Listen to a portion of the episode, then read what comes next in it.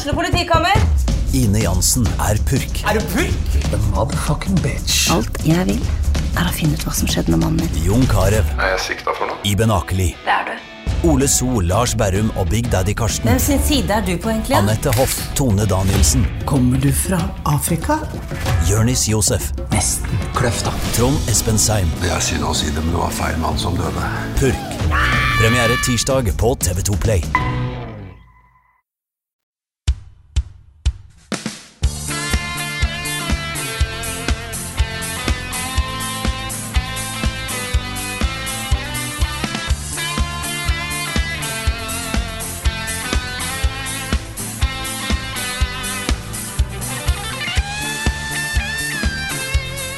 Håper jeg headsetet ditt sitter godt på, for du vet aldri. Plutselig er podkasten så bra at vi blåser headsetet av hodet ditt. Du vet aldri. Plutselig.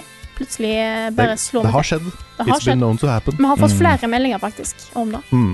Så det er, en, eh, det, er en, det er en risiko ved å høre på denne podkasten her. Men dette her er Mm. jo Level Backup med meg, Frida Danmo. Med meg i dag har jeg Karl Martin Hogsnes og Rune Fjell Olsen. Hallo, folkens. Hello, hello. Hello, Frida. Og også faktisk da fra kontoret vårt. eh, Det sitter eh, en ny person eh, bak PC-en til Carl der og klipper, klipper for oss. Ja. Det er Sebastian som skal være her i ni måneder, fire dager i uka. Praksisplass fra Danvik. Det Så stemmer. han begynte- Danvik represent. Oh yeah. Så han begynte her på tirsdag, um, og det her blir kjempebra. Altså. Han er veldig flink. Allerede gjort ferdig en jobb som man skulle gjøre en uke her. Innen denne uka her, den er nesten ferdig liksom allerede. Så, så dette her er kjempebra. Også. Herlig. Så velkommen til oss, eh, Sebastian. Det er veldig hyggelig. han nikker. Han nikker, det er bra. Det, Mm. er- det er bra. Vi kan eh, videreformidle sånt til podkastformat. Mm. Hvordan ja. går det med dere ellers? Hvordan er hetebølga i Oslo? Nei, den er het. Den, er, eh, den er veldig Altså, jeg er veldig heldig med der hvor jeg bor nå, for det er litt svalere enn der hvor jeg bodde før. Før så bodde jeg jo i øverste etasje, med liksom stekende sol inn i et murbygg. Det var dritvarmt. Nå er det litt kjøligere, men det er fortsatt, fortsatt distraherende varmt, altså. Ja, det er ganske ille, og jeg har fått så mye kommentarer på den der eh, lille uh, man-boksen min eh, hjemme i leiligheten. Det blir ikke varmt, da blir det ikke varmt. Jeg sier nei da, det blir ikke varmt. Men det, når det er veldig varmt i leiligheten, og Da- høy luftfuktighet, så blir det varmt. Da blir det varmt. Så det, var, det har vært litt sånn kok inni der uh, siste dagene, altså. Ja, men når det først er varmt ellers òg, så, så blir det jo litt sånn. Ja, det som er drepende, er den der luftfuktigheten. Jeg er ikke noe glad i den, ass. Nei, fy fader. Vi har hatt det samme i Trondheim òg. Det har vært så ekstremt fuktig, så jeg føler at uansett hva jeg gjør, og hvor jeg er, og hvor bare jeg går, så er jeg klam fra topp Mm. til tå. Mm. Ikke bra. Nei. Nei, Vi må plugge et par ting, da. Ja, det må vi. Eh, Ja, fordi vi- ja. Ja, kjør på. Det er som når du møter folk på veien, og så blir dere ikke helt Ja. enige om hva vei dere skal Mm. gå, så dere går liksom begge går til venstre, og så går begge til høyre. Eh, Mm. yes. Nei, vi har sånn eh, ting å plugge. Vi har jo nemlig eh, registrert Nick på Norges beste gamer, som skal ha kvalifiseringer litt rundt omkring. Det Ja, er jeg spent på. Det er, altså, det, jeg er så spent også. Jeg gleder meg sånn til å se han i aksjon. Jeg vet ikke om vi får faktisk se han spille. Um, fordi jeg tror de går liksom litt lukka. Det skal jo ikke være kjent for deltakerne ikke sant? Hva, det, hva det konkurreres i. Ja. Så jeg tror de liksom bare blir sendt inn på en sånn løype, og så er det fem spill eller fire spill eller et eller annet, og som kan være hva som helst da, fra hele spillhistorien. Og Så får de en score til slutt, og så blir du rangert. Og, og så er det da de to beste fra de forskjellige stedene som går videre til finalen i Tromsø i desember. Uh, og nå er det da en serie med kvalifiseringer rundt omkring på Østlandet. Du har uh, kvalifiseringer på Retrospillmessen uh, nå i helgen. Eh, du har Hammerfest. Det er jo ikke Østlandet, da. Jeg vet det. Jeg vet det ikke er Østlandet. det er 27. og 28. august. Uh, og så er det da Oslo uh, 10. og 11. september, og så kommer det Trondheimskvalifisering uh, senere i høst på en eh, ikke spesifisert dato foreløpig. Men vi har da meldt på Nick på Oslo-kvalifiseringen. Det, er, det hadde vært så kult hvis han gikk videre. det hadde vært kjempegøy, altså. Åh, Jeg, tenk, jeg tenker sånn, det er nesten ikke noe hvis, vet du. For han er så Hype så god. Mm. Hype da veldig opp han òg, da. Ja, men jeg føler at det er en del av opplevelsen. da. Ja. At vi må på en måte, vi må på en måte hype opp, litt sånn som en, før en wrestling-match, liksom. Ja. Mm. There's no way he's gonna lose. Ja, Nei, kanskje vi nå sørger for at ingen gidder å møte opp til Oslo-kvalifiseringen, fordi Ja. de vet at det er Ja, Nick men da er vinner jo? Nick på walkover. Ja. Mhm, så- Intimidation er en god taktikk, ja. Mm. Ja, jeg vil også nevne da at grunnen til at vi plugger dette opplegget her eh, en del hos oss, er fordi vi, vi har veldig sansen for det. Også Dette starta som Nord-Norges beste gamer, et rent sånt koseprosjekt for eh, hele Nord-Norge. Hvor det var kvalifisering rundt omkring, samme format, og folk møter opp hele familier, og alle er med og prøver seg, liksom. Um, eh, litt sånn lavterskel uh, feiring av spillkultur og konkurranse, da. Sånn sofakonkurranse og vennlig konkurranse, og ikke, sånn, ikke, ikke så mye sånn derre uh, die hard e-sport, uh, jeg vil bli best i verden-konkurranse, men litt den der konkurransen vi kjenner alle sammen, da, vi som holder på med spill. Hmm.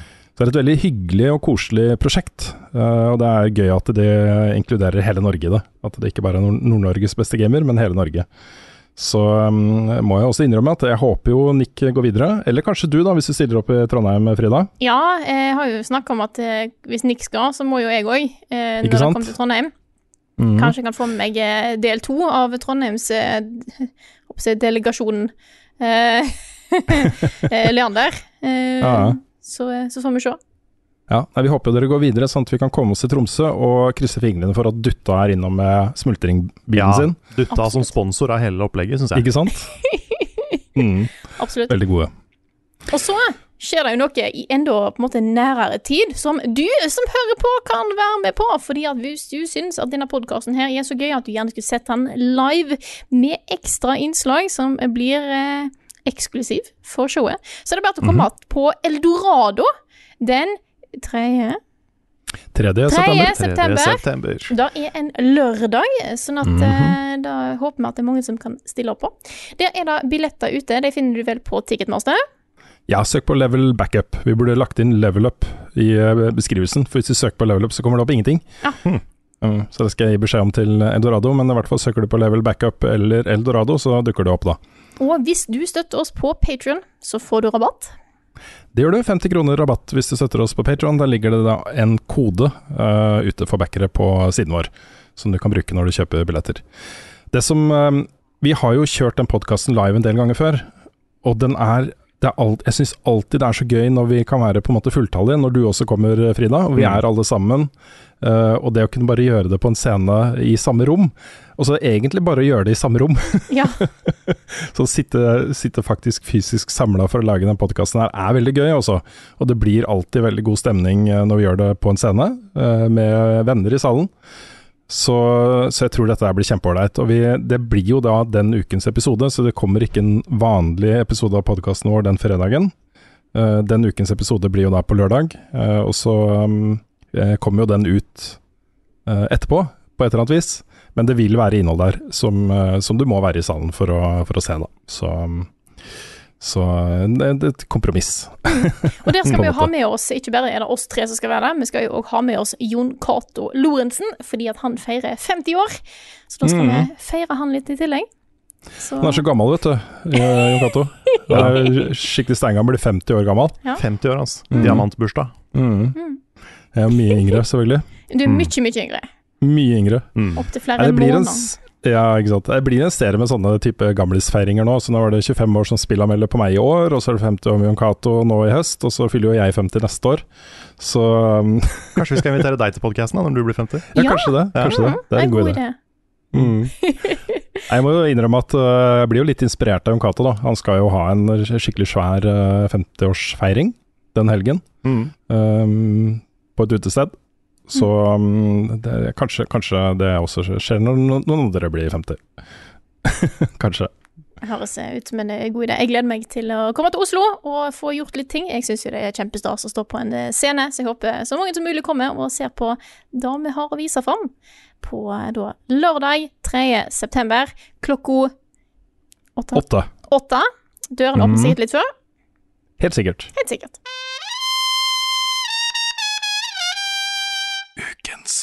Hotteste. Ukens hotteste denne uka er noe som vi satt og funderte på hva kunne være forrige uke. Vi snakker nemlig om det nye spillet til Dpad-gjengen bak Owlboy, og det ble jo vist fram forrige uke. Og det var, som, eh, som vi hadde trodd på forhånd, Vikings on trampolines. Yes! Der var det. Der var det. Der var det. Ja, dette er jo et uh, spill vi, uh, vi har fulgt lenge. Og, jeg Mm, og har spilt. Og har spilt flere ganger. Jeg spilte det første gang sammen med Endre. Vi duellerte i det da vi var hos uh, Dpad i 2011. Altså før Level Up starta, for å lage da et innslag til Nye Spill Norge. Um, jeg så at uh, Joremi la jo ut et klipp fra det, hvor jeg ble grust av Endre. Det syns jeg var litt dårlig gjort. men, uh, men, vi har kjent til det lenge. Og for, for Dpad så har dette vært et sånt prosjekt jeg har uh, jobba litt med, lagt i skuffen litt, kommet tilbake til. Alltid hatt lyst til å gi det ut, men uh, på en måte ikke helt funnet tid og plass. da til å gjøre det helt ferdig, men nå har de gjort det. Og det hører også med til historien at vi har vært i Bergen og gjort et lanseringsintervju for det spillet, og det er to år siden eller noe sånt. Oi! Det stemmer, det. Da hadde de egentlig tenkt til å lansere det, uh, og så valgte de vel å gjøre noe annet isteden, da. men, men uh, snakk om å ha utvida et konsept, da. For det, på den traileren så var det ganske mye som ikke var der da vi spilte det. Å oh, ja. Det var jo, så ut som det var en slags campaign, mm. og det var masse forskjellige levels med forskjellig fysikk og mm. lever i lufta og alt mulig sånne ting. Så det, er ganske, ganske, mye mer enn det var. Ja, det er mye mer. I, originalt så var det egentlig bare fire vikinger som hopper på trampoliner og skal bupe hverandre ut uh, på forskjellig vis. Det er power-ups og ting du kan få underveis uh, osv. Men det er en egen uh, story mode. De har egentlig alltid sagt at det skulle være det, men det, jeg tror ikke de har jobba så mye med den. Jeg tror på en måte ikke den er, uh, har vært uh, utvikla før, før, nå. Da. og da, da, er det ganske mye variasjon, altså. Uh, og jeg syns jo det er litt gøy, da, at på en måte utviklerne av Owlboy, som jo er et litt sånn Zelda-lignende 2D pixel uh, Metroidvania something something, uh, svært singleplayerspill, lager et veldig sånn tullete uh, multiplayerspill. For det er nok først og fremst multiplayer fortsatt, tenker jeg, da. Mm. gøy å spille sammen. Så, um, så ja, vi har jo dekt um, Dpad såpass mye i level up-sammenheng opp gjennom åra at for oss så ble dette ukens hotteste. Hva har du spilt i det siste? Rune, du er jo den som har spilt det aller nyeste denne uka, men du kan vel kanskje ikke snakke altfor mye om det ennå? Nei, ikke bare har jeg spilt et spill som kommer neste uke, jeg har spilt et spill som kommer uka etter det også. Oh! Oi! jeg, har, eh, jeg, har, begynt på nå um, Saints Row. Uh, og så i går ramla også koden til The Last of Us Part 1 inn døra. Ok! Mm, så uh, nå har jeg et lite problem, da. For nå må jeg liksom veksle mellom de to. Uh, og spille de litt sånn om hverandre. Mm. Heldigvis så har de ganske lik tone, sikkert. Ja, har de ikke det? Helt lik tone. Og så, men, jeg, men, jeg, kan ikke si noe om hva jeg syns om det ennå. men det er, det er, jo primært for NRK, dette er selvfølgelig. Så, så eh, for ordens skyld kan jeg da nevne at også Nick har også fått Saints Row. Så han jobber med det for, eh, for Level Up. Um, og så kommer det vel uh, The Last of Us litt etter hvert til Level Up også. Den har også kommet. Den har også kommet. Også kommet. Veldig bra, Carl. Mm. Veldig bra. Da fikk vi den samtidig denne gangen. Det var, det var fint. Det er bra. Mm. Det er fordi vi får hjemmeside, vet du. Ja, det er ja. fordi vi får hjemmeside. Ja, det har vi glemt å nevne, men den er, den er, jo egentlig ute, da. Den er ikke helt ferdig ennå. Nei, den er, den er, ute, men ikke offisielt avduka ennå. Nei. Nei. Så den ligger på lvup.no. Hvis du har lyst til å sjekke ut, mm -hmm. så uh, bare vit at det der vil det komme litt justeringer på teksten om oss og for annonsører og litt sånne ting, liksom. Den er ikke helt, helt ferdig, men uh, den er i hvert fall ute. Mm -hmm. Uh, vi kommer tilbake til mer hva vi skal med den, da, etter hvert. Men uh, foreløpig så er det liksom tenkt å være en autogenerert hjemmeside for de som vil ha det. Men uh, ja. Eh, da kommer det noe fra meg på Saints Show og The Last of Us Part 1. Jeg vet ikke helt hva jeg skal gjøre med The Last of Us Part 1 for NRK, for spillet er jo gammelt, liksom. Det er ute. Mm. Det er, de er ikke så veldig glad i å lage rene anmeldelser av, av, remasters og remakes og sånt. Nei, for jeg også er der. Jeg vet liksom ikke hva som er det beste å gjøre på det spillet. Mm. Jeg føler jo på en måte at jeg har sagt veldig mye av det jeg har hatt lyst til å si om The Last of Us allerede. Mm. Men jeg syns fortsatt det samme som jeg har syntes hele veien, uh, og det er at det spillet fortjener egentlig en, en skikkelig uh, uh, remake slash remaster, satt i lys av The Last of Us Part 2. Jeg, jeg, jeg, jeg er glad for at de tar en ny runde på det spillet, fordi det er såpass viktig moderne spillhistorie. at, at det å bare kunne spille det så moderne som mulig. Uh, har noe for seg. Ikke helt sikker på om jeg er fan av den der var det 800 og et eller annet kroners prisen for det. Uh, mulig at kanskje de burde eh, stikke en finger i jorda og se vi har jo tjent en del penger på det spillet her før. Men uh, uh, ja. Det er, er jo, så vidt jeg har skjønt, så er du uten den der factions multiplayeren også. Mm. Så du får jo sånn sett litt mindre enn du fikk i originalen. da. Ja, men du får med Left Behind DLC-en, da. Det gjør du. det gjør du. Mm. Så, men anyway uh, det, det, går med mye tid til de to nå. Men jeg har også rukket å endelig få sette meg ned med uh, Ascension-DLC-en til Returnal. Som, uh, som, jeg spilte en times tid da det kom ut, uh, og så måtte jeg legge det litt bort. Uh, men nå hadde jeg litt tid til overs, så da satte jeg meg ned og så gjorde jeg alt. Jeg fullførte liksom alle trophies man kunne gjøre til det spillet. Hele historien, alle bonusgreier du kunne få ut osv. Og, så og kom meg til, ikke til toppen, det kan man ikke, men veldig langt, da. og det er en utrolig fin delelse også. ikke bare får du litt mer story, som ikke oppklarer så mye som jeg trodde den skulle gjøre. Kanskje litt snarere tvert imot. Men eh, jeg vil nok si da at i hvert fall mine teorier om hva historien i det spillet faktisk er, har fått litt mer kjøtt på beina. Litt mer kjøtt på beina, vil jeg, sånn jeg tolker det, liksom. Mm. Men det som er morsomt, er at det, dette spillet har jo også en sånn endless uh, uh, horde mode-ting, hvor det kommer stadig høyere og høyere og høyere et tårn. Hvor det er en boss som du skal slåss med flere ganger. Uh, og når du har på en måte slåss med måte den siste formen av det monsteret, så kan det jo fortsette, men da blir hvert eneste level du kommer til, blir vesentlig verre. Og så se for dere de uh, siste liksom, levelene før bossen på de forskjellige biomesa i Returnal. Du får sanne hele tiden. Med masse sånne der, uh, greier som gjør at du får alvorlige malfunctions, og det er helt bananas koko. Men veldig gøy, da. Så, mm, så, for første gang i dette spillet har jeg hatt et maksa våpen. Oi. Den har full pupp på alle, alle stats. jeg må tilbake til Returnals. Ja, det, det var kjempegøy. Også. Det er for gøy å spille det spillet. Ja, det er kjempegøy. Jeg begynte jo på en ny playthrough også, uh, så jeg spilte de første tre uh, biomesa der. Uh, skal fortsette på de siste tre også. det er Åh, elsker det spillet, altså. Elsker det. Nice. Da, eh, jeg har eh, fortsatt på Blade Chronicles 3. Fortsatt bra. Eh, ingen, eh, ikke noe nytt å melde fra hjemmefronten, så jeg eh, tror jeg bare setter over til deg, eh, Carl. Det er greit. Jeg har uh, runda omsider Live Alive. Ja.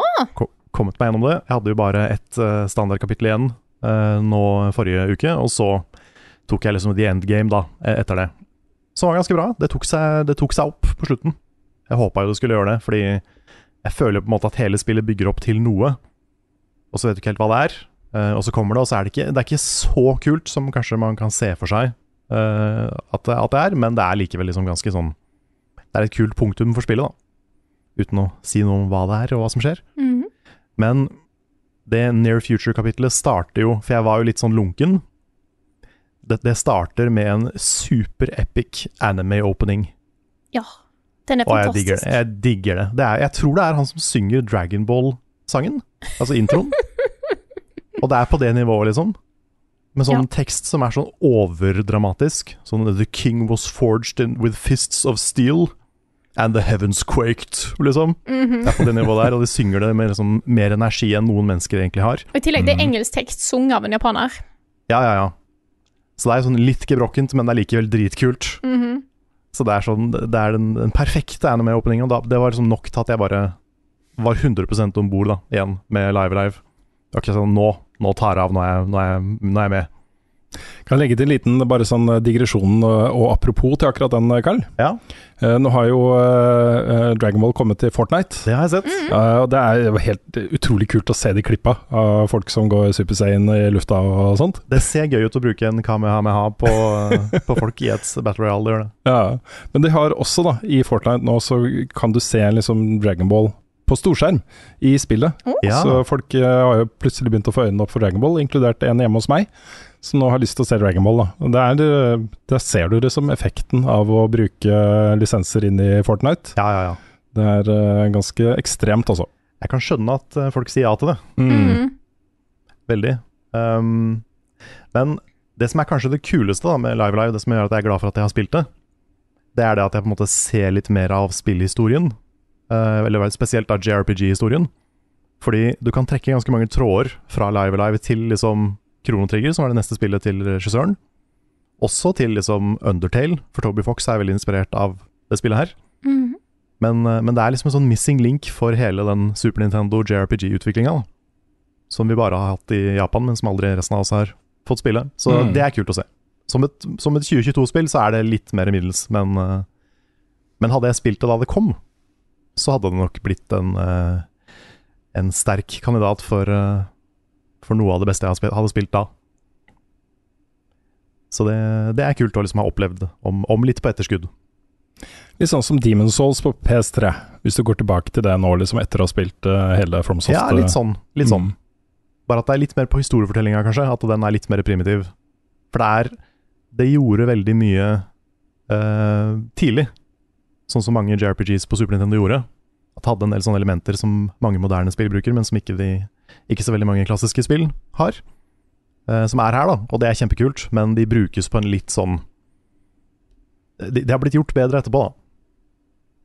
Så det er eh, på en måte det, det er kanskje det som har holdt seg minst. Det er den story-biten.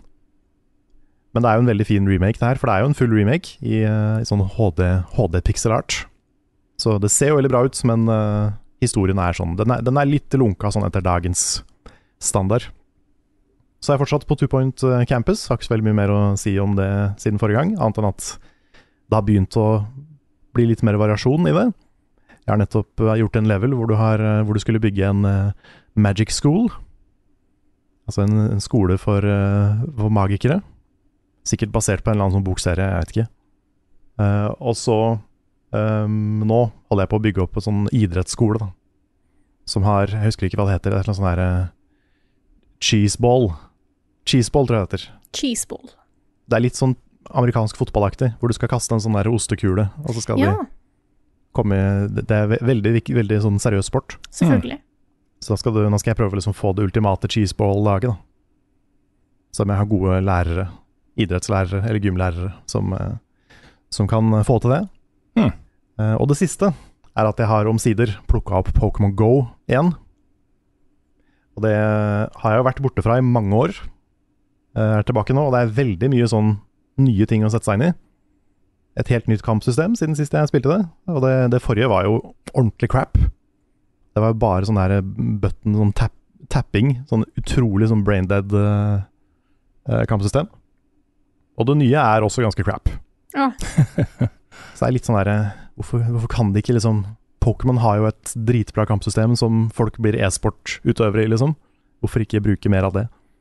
Men, ehm, men det er da ikke det. Så ehm, jeg bruker det mer som en sånn unnskyldning til å bevege meg mer.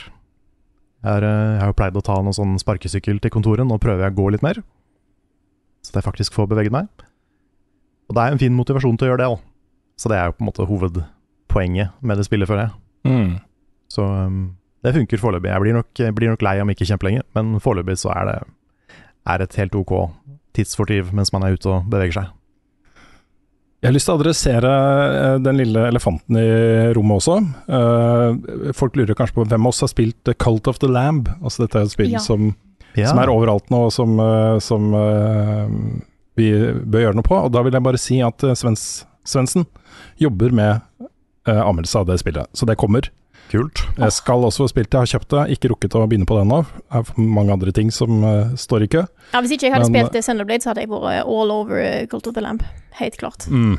Ja, som å få spilt det spillet. Mm. Det, er jo, det, det ser ut som et spill som er på en måte Det kunne ikke vært mer Svendsen. Svendsen liker både søte ting og litt sånn makabre ting, så det er på en måte en perfekt kombo. Ja, så er det en rogelike, og det er uh, Ja, ja, ja. Det er Svendsen the game. Mhm. Nei, det, er, eh, det ser helt herlig ut også. Uh, utrolig gøy å se folk digge det så mye på, på nett. Uh, timelinen min er i hvert fall full av folk som er uh, all over it, mm. så, så det er morsomt også. En eh, siste ting, forresten. Jeg kan ikke si at jeg har spilt det, men jeg har sett litt eh, på det. Det er det spillet som kom, jeg tror det var i går. Kirby's Dream Buffet. Ja. Eh, Det er da et spill et ganske sånn Ganske mye billigere enn et fullprisspill på Switch. Hvor du er Det er et slags partyspill som er veldig Fall Guys, men med Kirby, hvor målet er å spise mest mulig og bli den største Kirbyen. Nice. Det er veldig, veldig koselig og, og veldig sånn kaotisk. Jeg tror ikke det er et spill du kan sitte med lenge før du blir lei, men, eh, men det er på en måte en, en, en liten sånn bite-sized Fall Guys-greie med Kirby. da. Hmm. Så hvis man er ute etter et sånt partyspill og spille i en time med venner, så kanskje det, kanskje det er noe her.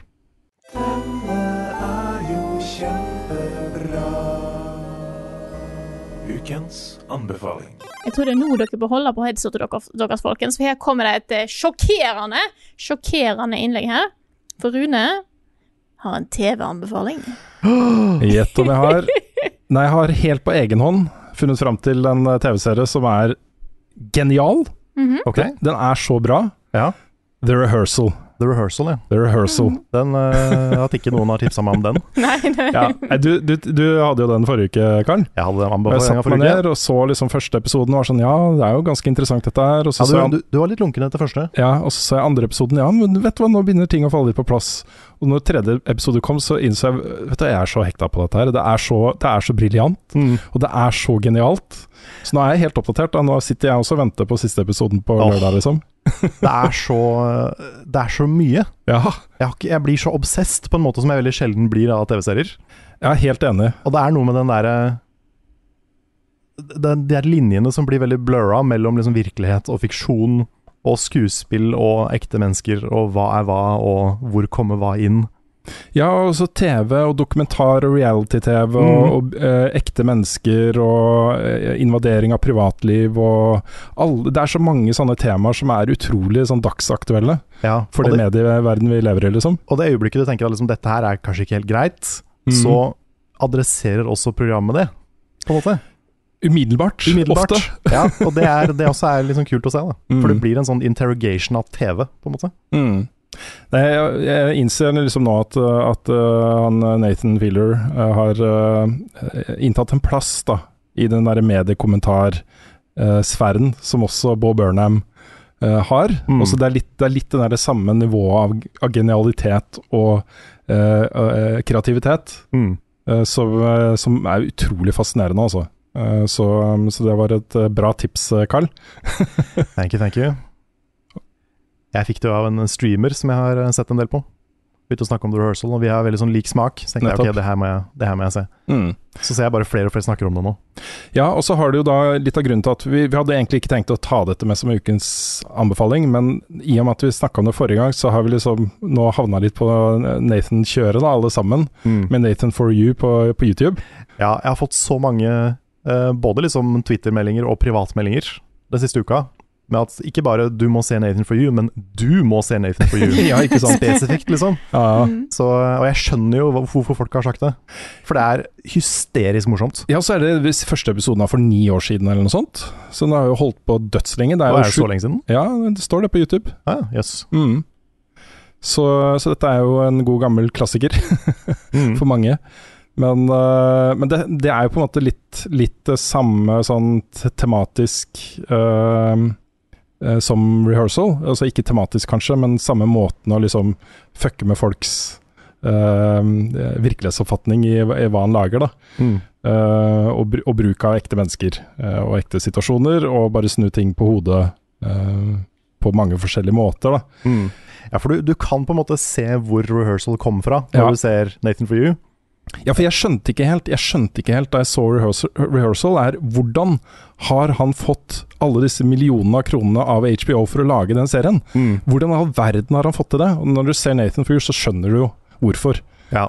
Så, um, så det, er, det også er briljant, altså. Mm. Nå er jo Nathan for you er jo mer sånn direkte humor. Ja. Et, et mye mer sånn tydelig komiprogram, mens The Rehearsal er litt mer sånn diffust i hva det er. Mm. Um, men det var Jeg har bare sett to episoder så langt, men jeg bare elsker det. Og det er så mange episoder jeg ikke har sett, så jeg gleder meg. Men jeg så en av episodene jeg så i går, handla om liksom en gris. Eller det var et sånn petting zoo med en dame som eh, ville ha flere folk til å komme innom. Og da kommer da Nathan inn som uh, det, selgeren, eller som uh, konsulenten med really good grades. som uh, som tipser deg om at du trenger liksom en Du trenger en helt, du trenger en historie. Um, og så han ber du da om å velge ut en gris som skal på en måte være helten i The Petting Zoo. og da stager de en video hvor den, den grisen redder på en måte en geit fra å drukne. Men så folk klarer ikke å filme det, så de, de leier inn en sånn stand-in-gris som skal gjøre det. Fordi jeg, jeg har jo jeg, ikke helt visst hva dette her er for noe. Eh, og en ting er liksom det er rehearsal som virker som en serie. Dere snakker om Nathan for you, at det har pågått så lenge. Så det, jeg bare satt og søkte det på YouTube nå, eh, og fant spillelister fra Comedy Central på alle episodene. Og, jeg bare sånn, og det er 60, 62 videoer. Jeg bare sånn Å, herregud, hvor begynner du? Men jeg ser at hver av de er bare sånn tre-fire minutter lange. Ja, det er oppe i 12-15 også. Okay. Ja, men da, tror- da tror jeg det er bare utdrag. For okay. episoden er sånn 20. Ja, da Ja, for de har en, de har en, en eh, sånn Comedy Central har en uh, uh, Greatest Hits eh, livestream som også ligger ute på YouTube. Den er over sju timer lang. Ja, for hvor, hvor begynner du? Er jo Ja, det er jeg litt usikker på. Jeg, jeg tror du kan plukke og velge litt. Ja, det tror jeg òg. Jeg, jeg ser det kronologisk bare fordi eh, jeg liker å gjøre det. Men Mm. um, jeg tror det er litt sånn samme hvor du begynner. Men da Ja. må jeg spørre, hvor, hvor finner du de? Fordi at jeg fikk bare opp disse kortene nå. Paramount Pluss har alle. OK, ja, for siden dere snakker om det, ja. YouTube, så ble jeg forvirra. Mm. Ja, det visste jeg faktisk ikke, så det var et bra tips. Mm. For jeg har Paramount Plus. Ja, nice. Mm. Ja, men Nei, men det er veldig, veldig verdt å se, ass. Det er uh, som sagt bare sett to episoder, men jeg elsker det så langt. Mm. Det er jo kleint så det holder, men på en måte som liksom Det er så morsomt at Hvis du syns kleint er vanskelig, så er det så morsomt at du kanskje tåler det. Mm. Jeg skal prøve. Her kommer nyheter med Rune Fjell-Olsen, og han har ikke hår. Før vi tar ukens eh, aller viktigste nyhetssaker, så vil jeg bare nevne noe jeg glemte å nevne i forrige spalte. Det er jo eh, seriefinalen av Better Cold Soul var jo også på tirsdag. Og Det var det eventet jeg hadde håpa det skulle være. En eh, utrolig flott konklusjon på en av tidenes aller beste TV-serier. Så nå vet jeg det er mange jeg kjenner som har sagt at nå skal jeg endelig begynne på Better Call Saul, og bare gjør det. Ja, jeg er en av de. Bare gjør det. Eh, Men det har jo skjedd store ting i spillenes verden i uka som har gått også. Eh, Og Embracer Group er jo et svensk eh, selskap vi har snakka mye om. I, Embracer Group. Embracer Group. Uh, de er jo sånn konglomerat av uh, forskjellige spillselskaper. Eh, Kjøpte opp det ene spillstudio og ene spillpublisheren etter den andre. Og nå har de gjort det som jeg nok tror er deres største oppkjøp. De har nemlig da kjøpt Middle Earth Enterprise CES. Enterprise S. og det er de som eier lisensrettighetene til alt som har med Ringenes herre og The Hobbit å gjøre.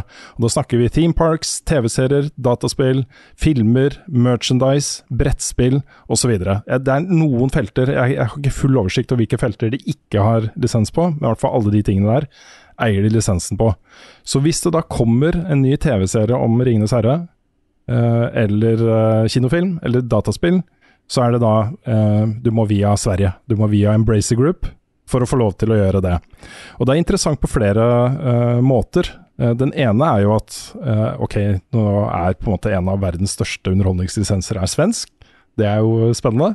Men Embracer Group eier jo også en hel haug med spillselskaper i 40 forskjellige land. De har 12, over 12 000 eh, ansatte eh, fordelt på alle disse landene. Wow. Det er så mange forskjellige studioer de har, og nå kan jo de sitte og bare lage så mange Ringenes herre-spill de gidder, uten å betale lisensen for dem, for den eier jo de selv, ikke sant. Så, så det er ganske spennende. Også. Um, mye av det Embracer Group eier, er jo det jeg vil kalle liksom tier 2 og tier 3-studioer. Ikke blant de liksom aller, aller største. De største de har, er jo type uh, også Tomb Raider-studio, Crystal Dynamics. Uh, de har Thief-lisensen, um, de har Borderlands. Uh, men de har jo liksom ikke Grand Theft Auto. Uh, det er liksom hakket under, da. Mm. Men her har de på en måte kjøpt seg en mulighet til å ta et skritt opp, da. uh, på, på hva de lager. De har vært helt sykt dyrt. Ja, de har jo ikke oppgitt salgssummen. Den er hemmelig. Mm. Um, det selskapet som de har kjøpt, har vært verdsatt til to milliarder dollar før.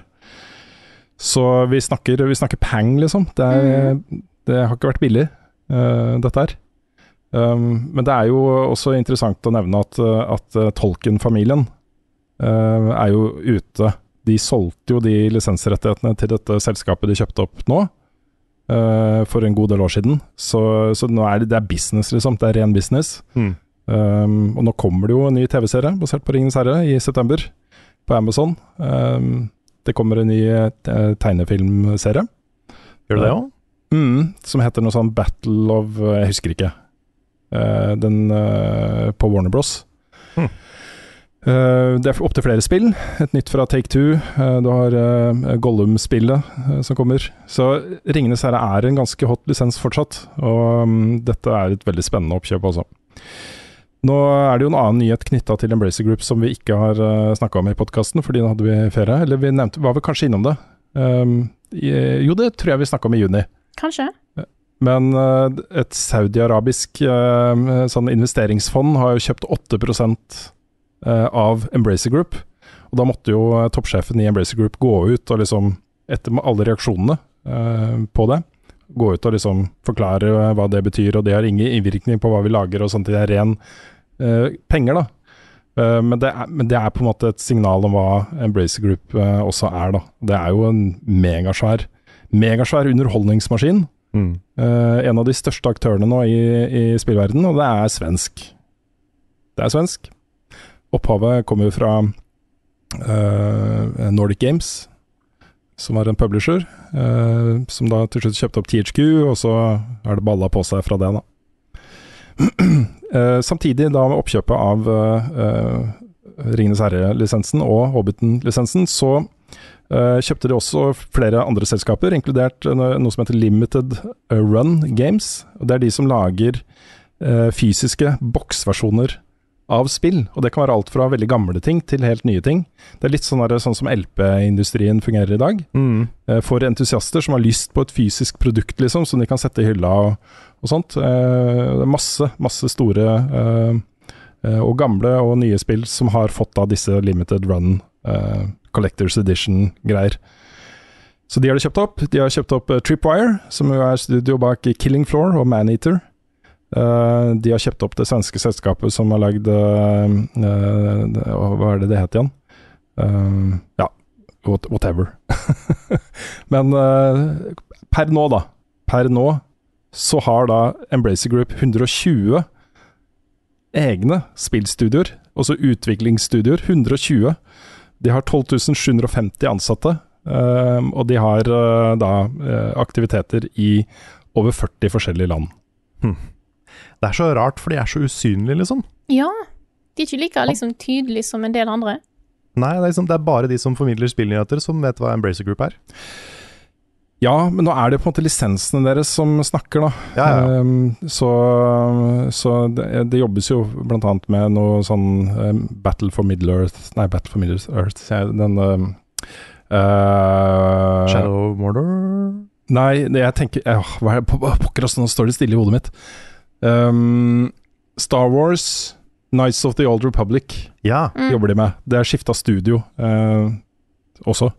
Så det, det er liksom mye greier som skjer der, da.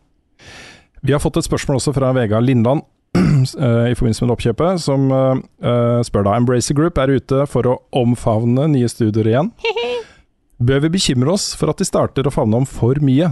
Um, og han nevner da denne gangen skaffer de seg rettigheter til Ringenes herre, pluss selskapene Tripwire, Tuxedo Labs, uh, Sings, uh, Singtrix og Limited Run Games. Og jeg, jeg må, må innrømme at jeg er ikke sånn veldig bekymra, egentlig, fordi det er på en måte litt sånn underholdningsverden er. Uh, du ser liksom Marvel og Disney og Ja, det er jo liksom Jeg er litt sånn, litt sånn generelt bekymra kanskje over at det blir så mange sånne små monopoler, holdt på å si. Eller sånne små eh, giganter som gjør uh, spillbransjen på en måte mindre ved å, ved å gjøre den større. Mm. Veldig enig. Jeg syns eh, Jeg er ikke helt fan av det. Nei, men samtidig da, så, så, så har jo vi bare i år sett eh, Tunic, Cult of the Lamb, Stray.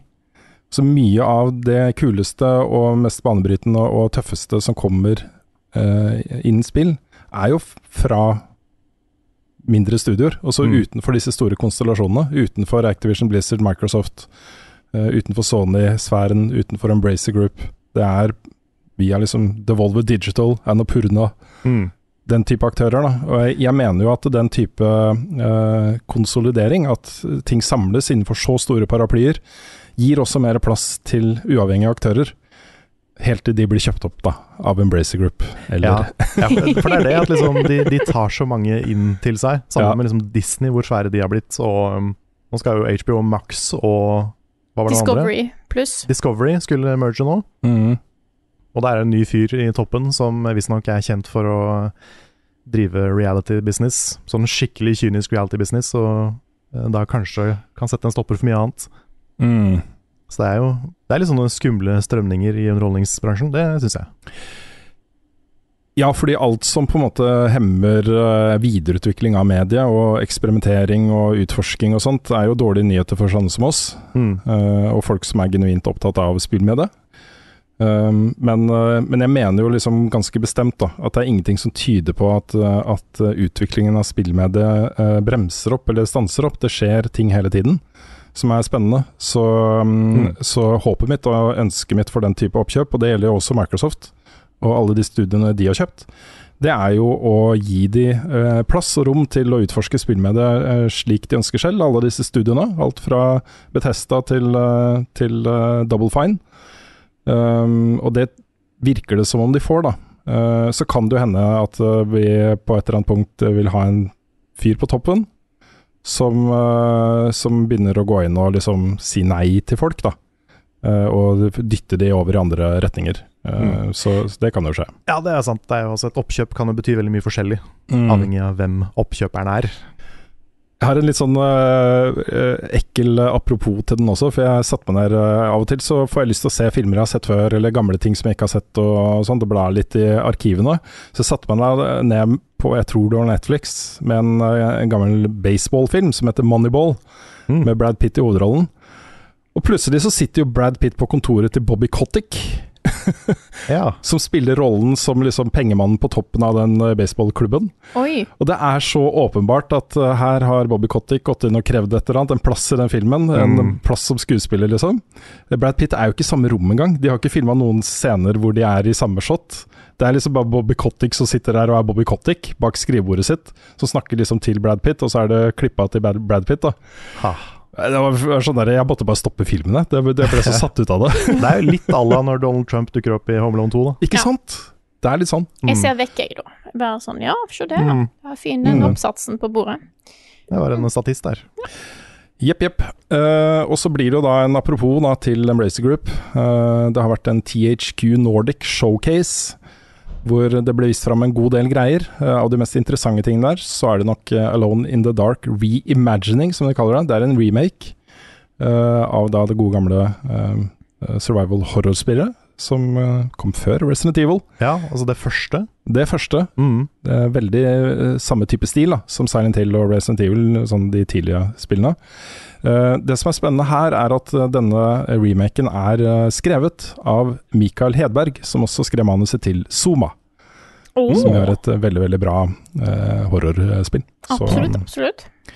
så det kan bli noe. Eh, flere remakes der. Gothic får en remake, det har vi jo eh, kjent fra før, men den har jo eh, fått eh, en ordentlig sånn go ahead. Kjør på liksom med den. Det kommer etter Jagged Alliance 3, eh, og så fikk en ny trailer da for Outcast 2. Som også var kjent fra før. Så det var kanskje ikke den aller, aller hotteste uh, ikke-etere-pressekonferansen jeg har hørt om. Men allikevel, da. Ting, ting og tang som, som kan bli bra. Vi eh, får snart et nytt Fifa-spill. Det heter fortsatt Fifa, jeg tror det er fra neste år. At eh, det vil hete da EA Sports FC. eh, fordi dette heter Fifa EA Sports Fifa 23. Mm. Eh, hvor sjokk og vantro, kortpakkene, er med videre. Også de man kan kjøpe for ekte penger og få ekte spillere. Nei. Ja, det bygge lag. Eurogamer har vært og spurt, uh, spurt EA om hvorfor disse kortpakkene fortsatt er med. Uh, hvor det da svarer at ja, men spillerne elsker dem, det er derfor de er med. Ja, de elsker Nå har de vært der i ti år, og eh, spillerne forventer at de skal være der, og liker å ha de der. Eh, så, så derfor er de fortsatt med. Vi prøver å få spillerne våre til å slutte å bruke penger, men vi klarer det ikke. Ja, ikke sant. Men de sier jo da også, og det er et tall jeg faktisk eh, kan tro på, og det er at eh, bare 10% av de kortpakkene som åpnes i Fifa er kjøpt for ekte penger. Eh, og nå er vi inne på den derre hval, eh, hvalkonseptet. Ja. Eh, Noen også 10 av Fifa-spillerne bruker såpass mye penger at vi, vi snakker milliarder på milliarder på milliarder av kroner da, for en av verdens største spillserier. Så, um, så det Jeg syns ikke det er um, beroligende, egentlig. Det handler, også, da er det på en måte en, en liten gruppe mennesker da, som Mm. utnyttes, utnyttes ganske kynisk. Sant? Og det er jo ikke nødvendigvis de som har mye penger heller, det er de som har dårlig impulskontroll. Mm. Men all right, uh, kortpakker. Det var også noe samarbeid med, med Marvel der. De skulle lage noen liksom Marvel-superhelter av uh, forskjellige fotballspillere på sånne spesielle kort. Mm. Så Ja, det skjer. Vi har en del eh, pressekonferanser på, på nett i, i tiden som kommer. Også i september så er det jo både Ubisoft og en eh, Marvel og Disney eh, pressekonferanse. Stemmer. Hvor de, eh, Marvel og Disney skal vise fram eh, spill da, eh, fra deres forskjellige merkevarer. Vi får bl.a. se Amy Hendigs eh, Marvel-spill. Eh, og hun jobber jo også med et Star Wars-spill. Så um, det kan bli en ganske spennende pressekonferanse å følge. Jeg lurer på om den er samme dag som Ubisoft Forward. Ah, ja. At den er rett før. Så det er mulig at vi tar en liten samling i sofaen Mm. Eh, og gjør noe på det. Men uh, i uka som kommer, så er det jo tre, da, særlig tre uh, av disse pressekonferansene som jeg syns er spennende å nevne her. Og Det ene er på søndag klokka åtte. Da skal Digital Extreme ha en Soulframe showcase. Og Dette er jo utviklerne av uh, Warframe. Som lager et spill som er veldig, veldig veldig tungt inspirert av Elden Ring, ser det ut som. da Eller i hvert fall så er det samme type setting og samme type liksom, fokus på våpen og sånt. Eh, og så med utgangspunkt i det alt de har lært da, fra Warframe, det å lage et Games as a Service-spill eh, i en persistent verden med, som er online og alle disse tingene her, så kan dette bli ganske spennende, altså. Det kan det. Det er på en måte Jeg hadde nok spilt Warframe hvis ikke det var for at jeg ikke er liksom den største shooter-typen. Men når det da kommer et, et spill med mer sånn eh, hand-to-hand combat og en mer middelaldersetting, det kan bli skummelt. Kan bli skummelt. Kan bli skummelt. Søndag klokka åtte på Twitch-kanalen til, eh, til jeg tror det er Warframe eh, så er det da en Soulframe showcase. Og så da På tirsdag er det to uh, saftige pressekonferanser. Den ene er klokka 18.00. Da er det Destiny 2 Showcase. Der skal jeg sitte klar. Det er avduking av både Lightfall Expansion, som er den neste store store expansion som kommer til det spillet, pluss den avduking av nye sesongen.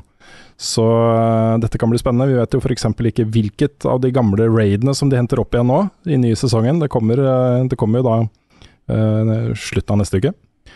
Det er jo sannsynligvis enten Crota Raidet eller, eller den som kommer med Taken King.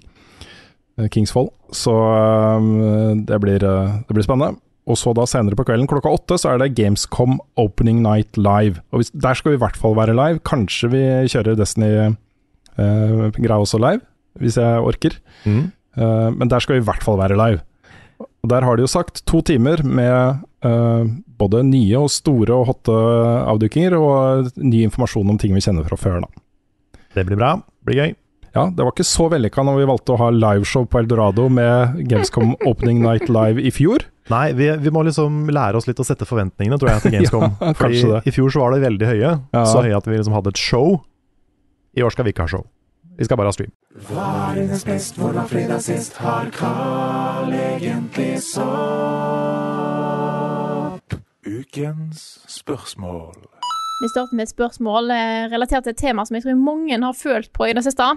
Dette er fra Kristoffer Getto Boys Hansen, som spør hvorfor er det alltid så tungt å komme tilbake igjen på jobb etter ferien? Ja, for noen er det kanskje det. Ja, Ja. Døgnrytmen er tung ja. når man har hatt ferie i en måned. Den er Mm. tung å snu. Ja, det er, det er, det er litt døgnrytme, men også den derre at man liksom har bare, bare styrt hverdagen sin selv, da. Sett Mm. på de TV-seriene man har lyst til å gjøre, og spilt de spillene man har lyst til å spille, og sånt, og så må man liksom eh, gjøre jobben sin. Mm. Det, det, er, det kan bli vanskelig å slutte denne prokrastineringa, egentlig. Det er kanskje mitt største problem, da. Mm. Men uh, Ja, jeg får ofte den der litt sånn der uh, eh, whiplash av hvor mange ting man plutselig må tenke på samtidig. Ja. Det er kanskje den største tingen for meg. Sånn, vi, hadde, vi har hatt noen møter sånn etter ferien, og det er, sånn, det er så mange ting som er oppe til- oppe i lufta. mm, Og så må man på en måte prioritere hva gjør man først, Og hva gjør man etterpå, hva gjør man når man har tid? Ja. Man skal skrive det manuset, men man burde også jobbe med den tingen. Det blir sånn, Når det er mange ting på en gang, da sliter jeg litt med å senke skuldrene, kjenner jeg. Mm. Det er da å få den oversikten når en måte, har, vært, eh, har vært på jobb en stund og husker på en måte det er disse og disse tingene som driver og skjer. Men med en gang du kommer tilbake igjen, så er det sånn Å, shit, hva var, det, hva var det egentlig jeg holdt på med? Hva var det vi måtte gjøre? Hva var det som hasta? Uh, å få den oversikten føler jeg at det tar litt tid. Eh, så det er Mm. det som ofte er litt tungt for meg. Og den der at eh, jeg alltid syns at ferien har gått så fort. Så jeg sånn Å, må jeg tilbake inn på jobb allerede? Uh, men i år har det faktisk vært veldig greit, for jeg hadde en veldig klar idé om hva jeg skulle gjøre den første uka. Eh, det var liksom veldig sånn Jeg visste at når jeg kommer tilbake inn på jobb, så skal jeg gjøre den ene tingen. Og det er ingenting annet som henger over meg. Eh, Mm. Så i år så var det faktisk ganske greit å komme tilbake inn på jobb. Eh, Mm. Så jeg er egentlig litt overrasket over det, må jeg, eh, må jeg innrømme. Mm. En ting som var veldig gøy i år, det var den der, for jeg fikk så um, Ofte på sommeren så får jeg sånne perioder med veldig mange ideer på en gang. Til ting jeg har lyst til å gjøre, som er litt sånn annerledes enn det vi har gjort før. Uh, og så fikk jeg litt tid nå, i starten av august, til å gjøre noe av det. Sånn som den der Pokémon-videoen vi lagde, og uh, sommerferie i Arnhem og sånne ting. Og det er sånn, Når man får muligheten til å gjøre litt sånne ting, da er det gøy å komme tilbake på jobb. Mm. Mm. Vi er jo i en litt sånn heldig situasjon, fordi eh, jobben vår er jo ganske lystbetont, da. Ja. Ja, ja, ja. Det er en ganske morsom jobb å ha. så vi er nok litt heldigere stilt enn folk som kanskje har, har litt mer øh, problemer med å motivere seg på jobb. For det, det er ikke noe problem for oss. Nei, jeg har hatt, eh, hatt eh, sjeleknusende jobber før, og jeg vet hvordan det er. Så det er, eh, vi, har en, vi er heldige. Vi er veldig heldige som har den jobben vi har.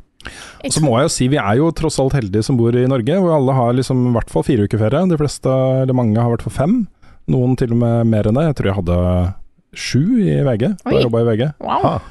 Um, og det er, det er ganske mye fri, da. Eh, andre steder i verden, så eh, USA f.eks., er du heldig hvis du får en uke ferie på, på jobben. Så um, uh, vi, vi, ja, vi bor i et land hvor det er akseptert å ha ferie, det bør vi være ganske takknemlige for, altså. Mm. Absolutt. En trenger det. Og da har jeg merka på et tidspunkt der jeg har på en måte vært Noen av tidligere år så har det vært vanskeligere å komme tilbake på jobb etter ferien for min del òg. Da er det Jeg har vært så sliten eller demotivert at det å ta sommerferie har ikke vært nok for å komme meg tilbake igjen. Eh, men jeg hadde et avbrekk fra jobben i, eh, i vinter som gjorde at jeg på en måte fikk starta litt på nytt.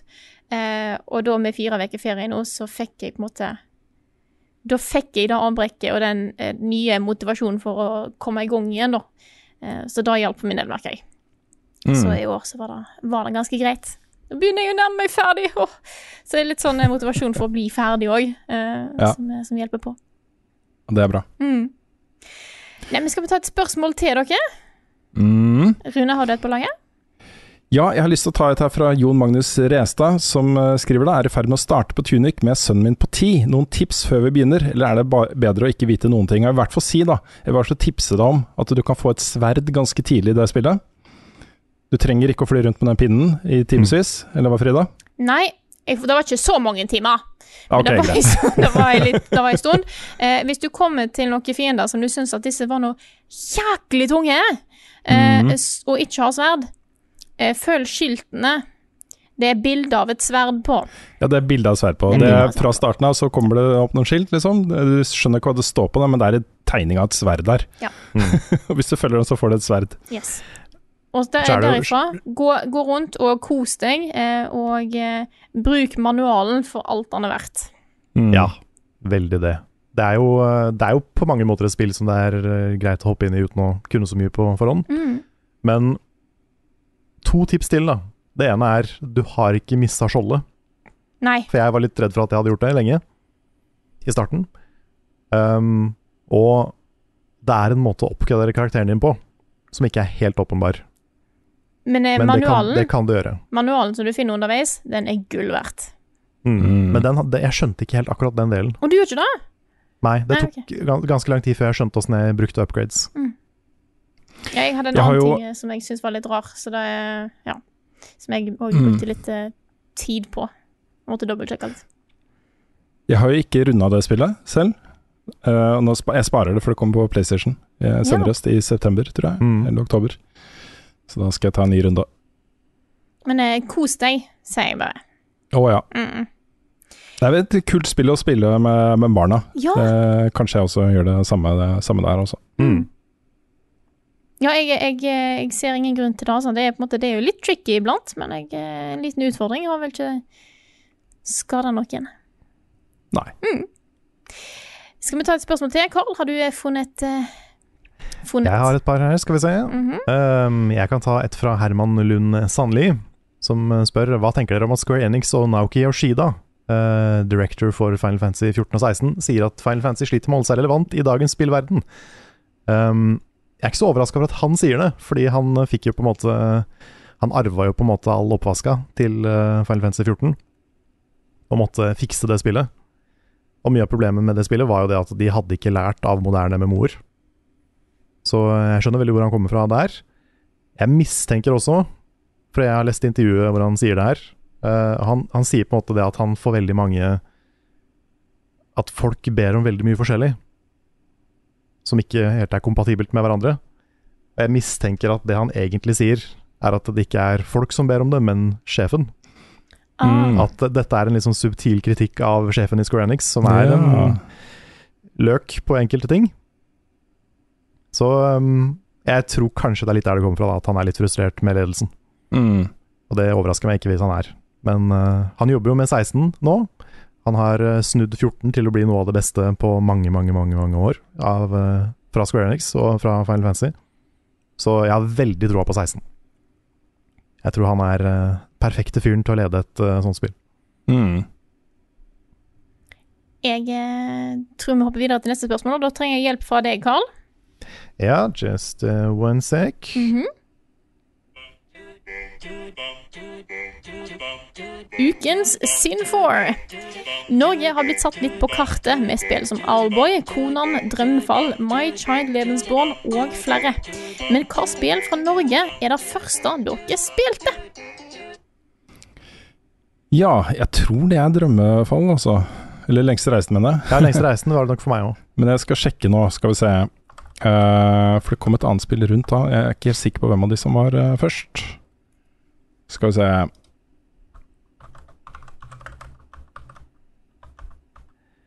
Nei, jeg, jeg spilte lengste reisen rett før Nei, rett etter at Drømmefall kom. Så det var jo på videregående ganske lenge etter at det hadde kommet ut. Mm. Men uh, jeg syns fortsatt det var bra, selv om det da var ganske gammelt. Så det er jo en, en classic. Jeg har faktisk ingen anelse om hva det er. Når jeg eh, eh, Når jeg tenker meg om. Og det er rett og slett fordi jeg Det tok så lang tid før jeg eh, spilte spill og visste hvor de kom fra. Jeg spilte mange ting, spill som var på norsk, men jeg vet jo ikke hva, om det var norsk lag. Det Én ting er liksom Flåklypa-spillet, men det spilte jeg egentlig aldri. Uh, og ellers er det så mye annet sånn Josefine-spill og sånt. og Jeg vet ikke hvor de ble produsert. Jeg vet ikke engang hvor jeg skal begynne for å finne det ut. Nei, jeg også spilte sånn Kellogg's-spill og sånn, men det tror jeg ikke var norsk. Det var på norsk, men jeg tror ikke det var norsk. Men her har du jo noen spill fra Funcom da, som dere kanskje har vært borti. Ok? Um, uh, Pocahontas Ja, Pocahontas-spillet. på det, Sega Megadrive. det spilte jeg ikke før seinere. Nei. Um, Kasper Nei. på Sega Saturn. Nei. Nei. Nei. Det Eh, er en deep cut-konsoll. ja. Den var det ingen som hadde. Nei.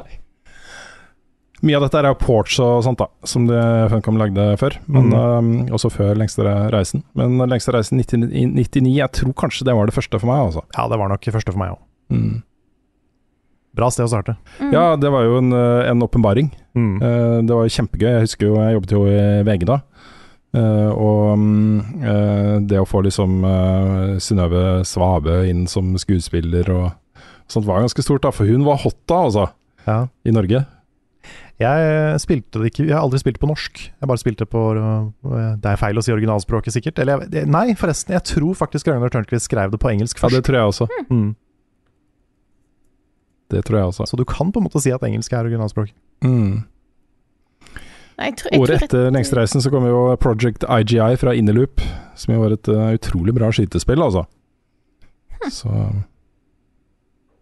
Ja, nei, jeg, jeg tror jeg må rett og slett se litt eh, eh, Litt eh, bakover. googla en del, for jeg har jo liksom minner om ting som Magnus og Myggen, men da tror jeg ikke norsk. Jeg tror det er egentlig noe dansk.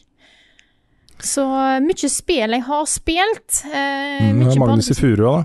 Magnus i Furua, Magnus i det er ja. Det er norsk Mm. produsert. Det er Mm. norsk eh, produsert av eh, en eh, Lars, tror jeg han heter. Ja. Den der konsollen da, 69 var heller ikke så veldig stor på den tida. Nei, Nei. det var ikke så mange som hadde den heller. Fått veldig Nei. kult status, status i senere tider, så det er jo hyggelig for, Mm. for den. Mm. Jeg har en T-skjorte, blant annet. Ja. oh, nei, men eh, skal vi ta et uh, spørsmål til, Rune? Ja, jeg kan ta et spørsmål her fra øh, Ja, fra Silacoid på Discord-serveren vår. Øh, som spør da For ikke altfor mange år siden snakket vi om trenden med å lage så innmari lange spill, gjerne 20-30 timer, og av og til opp i 50-60. Nå er jo et spill på 20-30 timer å anse som en, en kort og fokusert spillopplevelse. Tror dere vi om noen år kommer til å snakke om korte og fokuserte spillopplevelser på bare 150 timer? Grunnen til at jeg har lyst til å ta det opp, er at en av de store um, diskusjonene rundt Stray var jo at det var så kort. Mm. At det var seks timer, og folk krevde å få pengene sine tilbake på Steam. Og, og sa jeg elsker spillet, men det var liksom begynte å regne på valuta for pengene og hvor mye det kosta per time og sånne ting. Ha. Jeg har ikke fått med meg den diskusjonen om Stray, men jeg Jo. har sett det på mange andre spill. Nei, det Ja. er, det er jeg, jeg blir eh, litt oppgitt, blir Ja. jeg. Mm. Eh, Nei, altså, eh, det, det er, eh, det er eh, litt sånn sammenlignbart med Altså, du kan se en tolv minutter lang eh, kortfilm, eller en uh, sketsjfilm med, Nathan uh, Feeler, som er verdt, ikke sant? Mm. Sett en pris på det. Eller en TV-serie på åtte sesonger uh, opp mot en kinofilm. Mm. Altså Ting koster på en måte det det koster, og har den verdien det innholdet du får, har. da. Eh, Lengde er på en måte ikke av vesentlig gru eh, viktighet, syns jeg. Nei, jeg syns ikke liksom penger er lik tid. Jeg syns ikke det er et regnestykke som gir mening.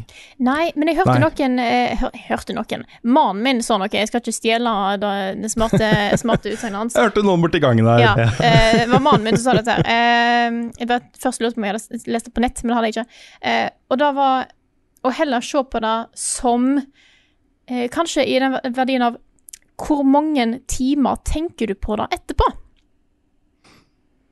Ja.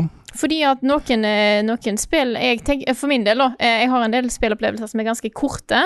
eh, Så på en måte spillet i seg sjøl tar ikke så lang tid. Men jeg har tenkt veldig mye på opplevelsen seinere. Mm. Så sånn Jeg- tenker jeg å se litt på det. ja, jeg er delvis enig. Jeg er mer over på sånn hvor, hvor hardt treffer det meg? Ja. Altså hvor mye betyr det for meg, Mm. Den opplevelsen? Og det er på en måte Tid er helt uvesentlig der, da. Ja, jeg, Mm. jeg, jeg, jeg, er helt enig. Jeg ser på de to som veldig sånn relatert, egentlig. Mm. Mm. Mm.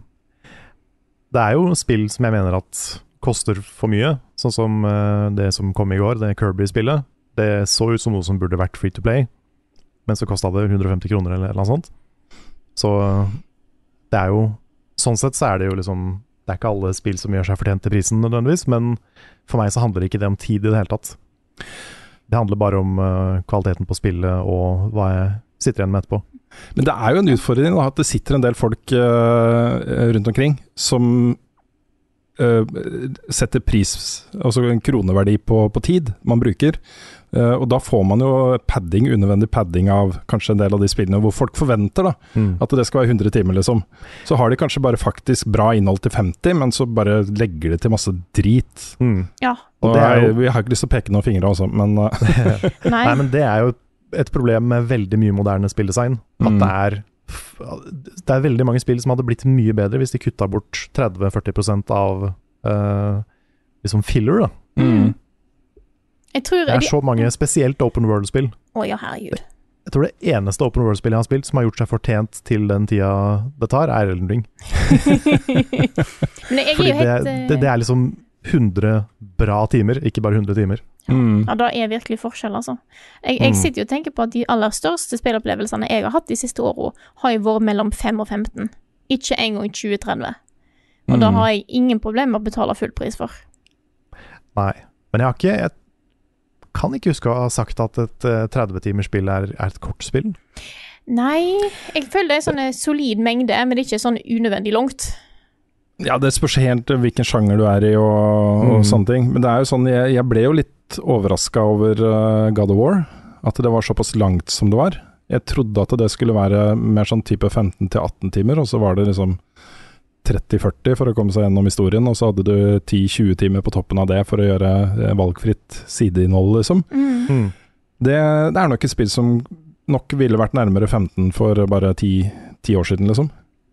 Ja. Tror jeg. Ja, men jeg ser, jeg ser ikke helt den utviklinga i spørsmålet, da. Med at spill blir liksom lenger og lenger og lenger. For jeg føler de har, vært, de har ligget ganske stabilt på Altså lange spill har ligget ganske stabilt på sånn rundt 40-50, Mm. mens korte spill har vært på et sted mellom 5 og 10. Ja. Ja. Uh, så jeg, jeg, er ikke, jeg, jeg er ikke så redd for at på en måte, det utvikler seg i feil retning. Nei, Men det er en kontrovers som irriterer meg litt, den der eh, spillet er for kort. Ja. Ja, det er, det er derfor jeg hadde lyst til å ta det opp. Fordi eh, nå har du liksom hele spekteret, og noen har lyst til å lage korte spill, og noen har lyst til å lage lang, lange spill, og alt har livets rett, og Ja, Mm. Spill får være så lange de trenger å være. nettopp. Ja. Det, er, det, det er jo på en måte Jeg mener jo at det at det er såpass fokuserte, da, det hjelper jo sånne spill som Stray Mm. og Tunic. Um, Mm. Ja, jeg, jeg vet jeg hadde likt Stray mindre hvis det var lenger. Ikke sant? Hvis det hadde vært dobbelt så langt. Mm. Bare, Da, hadde jeg, da hadde jeg begynt å kjede meg. jeg også. Det var akkurat så langt som det trengte å være. Det er en av grunnene til at jeg siden vi var inne på det, at jeg eh, tror jeg liker Bloodborne bedre enn Ellen Ring, er fordi at den, det er kortere. Det er mer eh, eh, tight. Så jeg liksom mm. prøver å vise at jeg embracer eh, og knepper sammen Bloodborne her. Mm. Mm. Yes, neimen skal vi ta et spørsmål til? Jeg har lyst til å eh, ta et her fra eh, Rune Trellvik, som spør spiller dere brettspill, I- og i så fall, hva er noen av deres favoritter? Personlig har jeg begynt å spille mer og mer brettspill i det siste, og det blir en veldig sosial og fin opplevelse, på en annen måte enn gaming, for min del i hvert fall. Eh, og jeg tar opp dette her fordi at jeg har oppdaga et par brettspill i løpet av sommeren, som jeg tenkte å ta opp. Eh, en, av, en av de heter et fantastisk spill. Kakerlakken poker. Oi! Mm. Veldig enkelt, lite kort spill. You had me at poker. You Ja. had me at poker.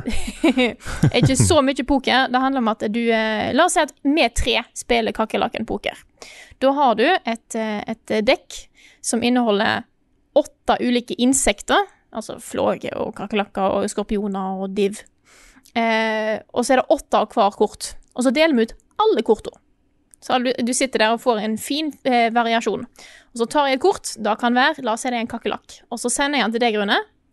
Og så sier jeg dette er en kakerlakk. Og da må du enten velge å tro på meg, eller ikke tro på meg. Det er litt sånn lygere, dette her.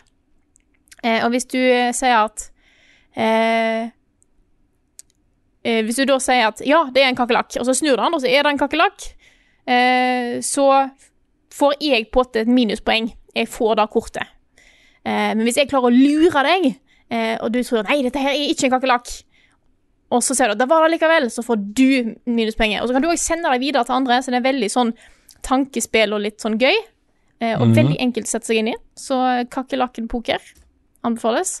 Og så har jeg òg kommet over et spill som jeg tror bare heter Fort. eh, som handler rett og slett bare om at du skal Du er en gjeng med kids. Ja da, Fort heter det. Eh, kids som skal bygge det beste fortet. Og få da tiltrekke seg de, eh, alle vennene sine, så du får det beste fortet. Og de tiltrekker du ved hjelp av annet pizza. Eh, så det er veldig koselig, veldig mye festlige tegninger, eh, festlige figurer. Det blir litt sånn dekkbilder, faktisk, for du skal på en måte bygge et dekk med, eh, med venner som kan eh, hjelpe deg til å lage det beste fortet. Så eh, de to. Eh, ting jeg oppdaga i sommer som jeg likte veldig godt. Jeg oppdaga et eh, i sommer, jeg også, som eh, jeg likte veldig godt. Eh, det er et sånn domino-brikkebasert spill som heter Mexican Train. Mm. Som eh, Der skal du lage et tog, da. Eh, alle spillerne skal lage hvert sitt tog, eh, og det gjør du ved også, også som med dominobrikker. ikke? De har et tall på venstresiden og et på høyresiden, og så må du fortsette, da. mm. Det samme tallet, ikke sant. Mm.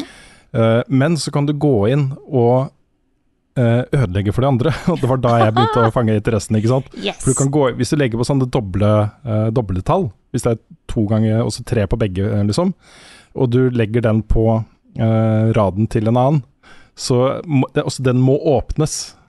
Noen må legge på en treer for å fortsette det toget. Uh, de kan ikke begynne å bygge på sitt eget og så fortsette på å bygge på sitt eget tog. Mm. Og Det betyr jo at da ødelegger du eh, togene til folk, ikke sant. Da tar de, må de kanskje ta en brikke som er midt i toget deres, og så sitter du der, og så Ikke sant.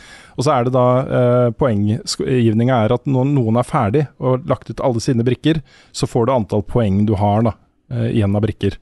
Og noen av disse eh, dominobrikkene her har jo opptil, hva er det, 24 poeng, tror jeg. Oi. Um, hvor du har liksom Ja, kanskje det er enda mer enn det også. 4, 8, 12 Nei, jeg tror det er 12 ganger 2, 24 på, på det meste. Så det går ikke opp til liksom seks.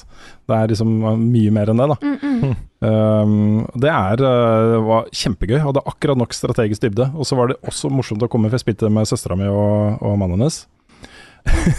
og de hadde sånne regler om at de ikke skulle ødelegge for hverandre, ikke sant. Oh. Og det var jo ikke jeg med på. det kunne jo ikke jeg akseptere.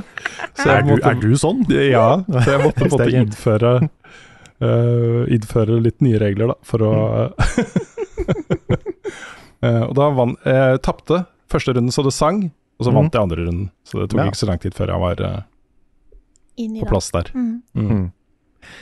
Ja, nei, jeg spiller ikke nok brettspill, føler jeg. Men jeg har jo spilt en del brettspill på, eh, altså hos venner og sånn. Så det jeg har spilt mest, er uh, Mansions of Madness. Ja, det er gøy. Bente og Marius, blant annet, fra Noscope. Det har vi spilt masse. Det er kjempegøy. For det er på en måte alle Det er et PVE-brettspill, på en måte. Mm. Hvor man er eh, på lag, og så er det liksom en historie da, hvor man må kjempe mot noe og oppklare et mysterium og sånn. Det er kjempekult. Um, så har jeg vært så vidt borti litt sånn Ticket to Ride og um, Husker ikke hva det heter alle sammen. Uh, Tales of Rabin Nights har jeg spilt. En sånn kjempesvær bok med ting som kan skje og sånn. Det, det også er jo litt sånn Mansions of Madness-aktig. Mm.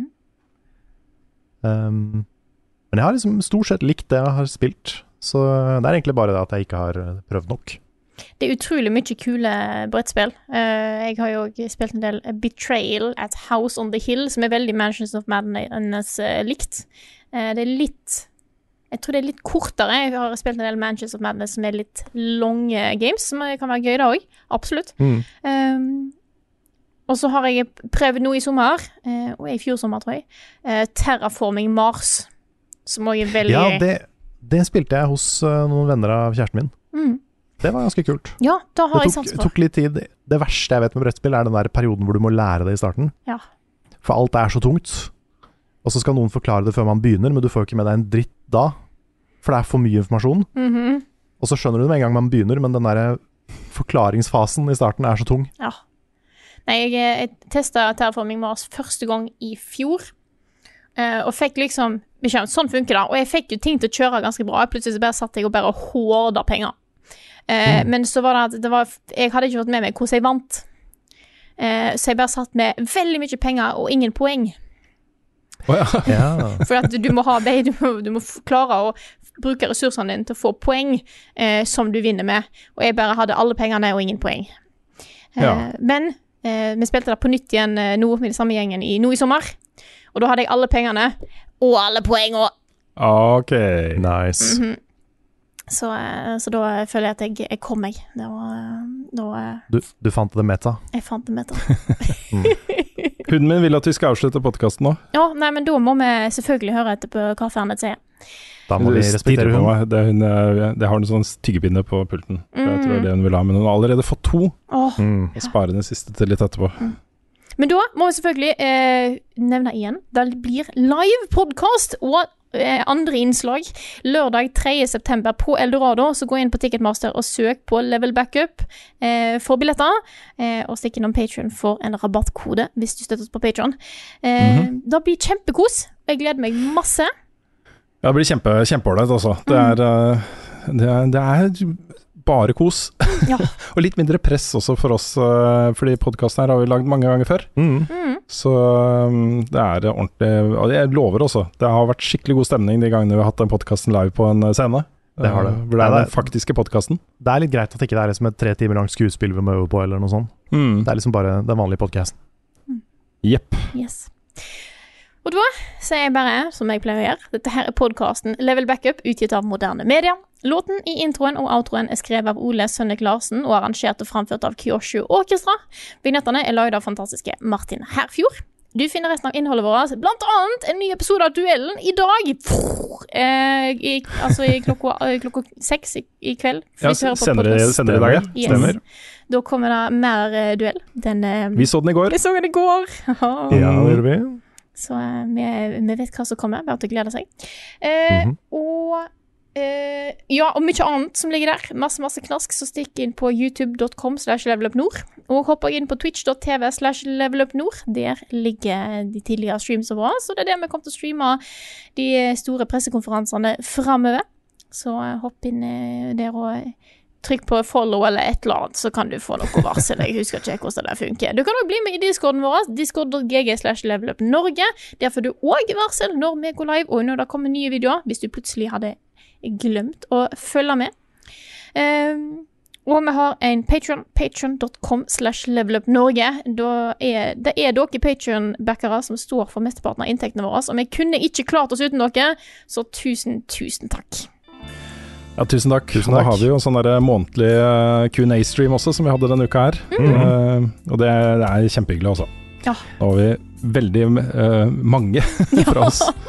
Det, det var vi denne gangen der. Det var kjempegøy. Ja, det var vel nesten fulltallige, eh, inkludert nye.